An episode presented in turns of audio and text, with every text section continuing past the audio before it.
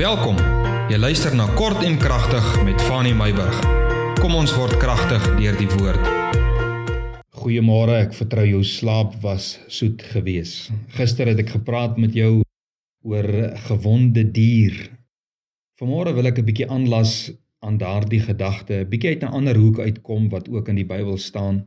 Ek vertrou die studie van die woord is vir jou insiggewend en ek vertrou jy groei geestelik daardeur gewond uit liefde. Spreuke 27 vers 6 sê: Die wonde deur een wat liefhet is opreg bedoel, maar die soene deur 'n vyand is oorvloedig. Die engel sê faithful are the wounds of a friend, but the kisses of an enemy are deceitful.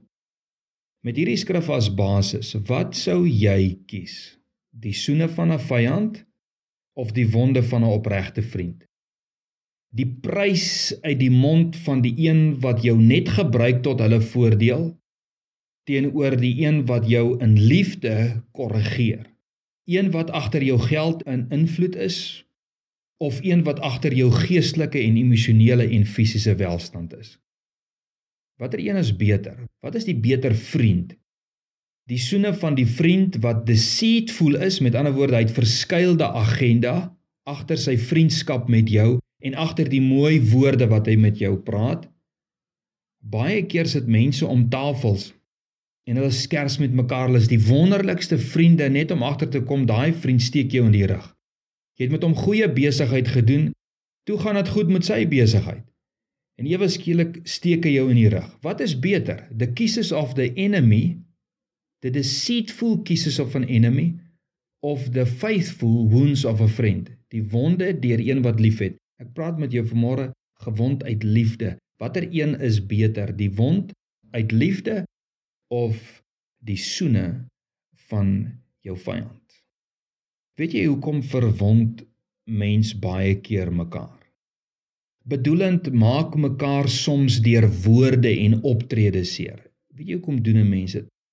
As dit uit liefde gedoen word, is dit nie om jou seer te maak nie, maar eerder om kwaad uit jou binneste uit te roei. Is dit nie so nie? Dit is eerder daardie wonde wat uit liefde toegedien word is eerder om jou die regte pad te wys of om jou op die regte pad te sit. Is dit nie hoekom Salomo onder andere ook sê dat dit is goed om 'n kind te tugtig nie want Deur 'n kind te tugtig sit jy die kind op die regte pad. Ek praat nie om jou kind te verniel nie, om jou kind uh, af te knou. Ek kom nou nie by die regte woord uit nie.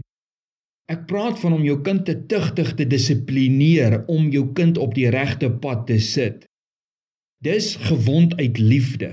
As volwassenes het ons vriende nodig, mense rondom ons nodig wat bereid is om ons te wond uit liefde. Jy word woedend kwaad vir daardie ene, maar jy weet dis die waarheid. Jy weet jy moet jou pad regmaak. Jy weet jy moet jou lewe uitsorteer. Want hierdie vriend gee vir jou hierdie wond om jou die regte pad te wys of om jou op die regte pad te sit. 'n Kind kan hoe kwaad wees vir sy ouer vir daardie dissipline, maar dit is tot sy beste of tot haar beste. Salomo sê ook dat bloedige wonde suiwer die kwaad uit die wond uit. As 'n wond bloei, bloei dit die kwaad uit. Dis nodig dat 'n vriend jou verwond uit liefde. Dis nodig. Jy kan nie teer op lekker en mooi en goeie woorde van goeie vriende en vriendskappe nie. Jy kan nie. Jy het 'n vriend nodig wat vir jou sê jy's verkeerd. Jy het 'n fout gemaak. Jy moet regkom. Jy moet jou kop regkry.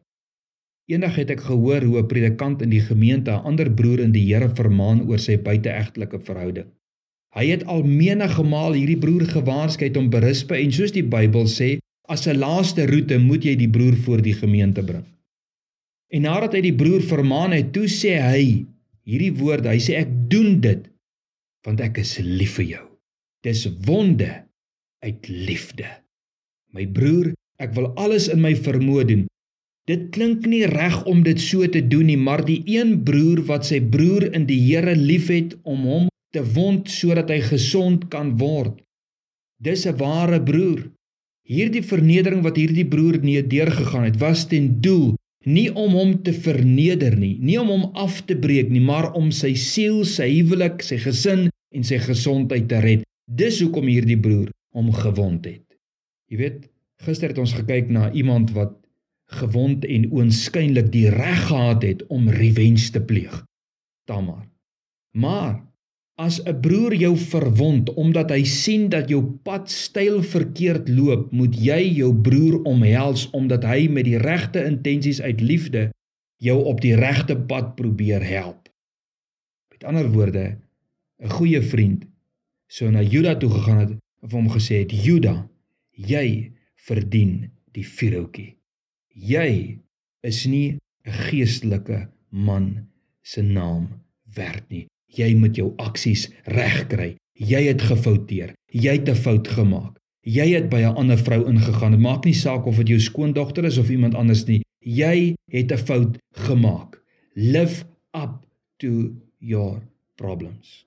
Jy kan dit sien soos wat jy wil vanmôre, maar dis hoekom ons egte vriende nodig het.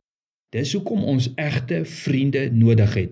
Weet jy, Ek het nie net iemand nodig wat my paai elke dag of vir my sê hoe goed en hoe goed en hoe goed ek is nie.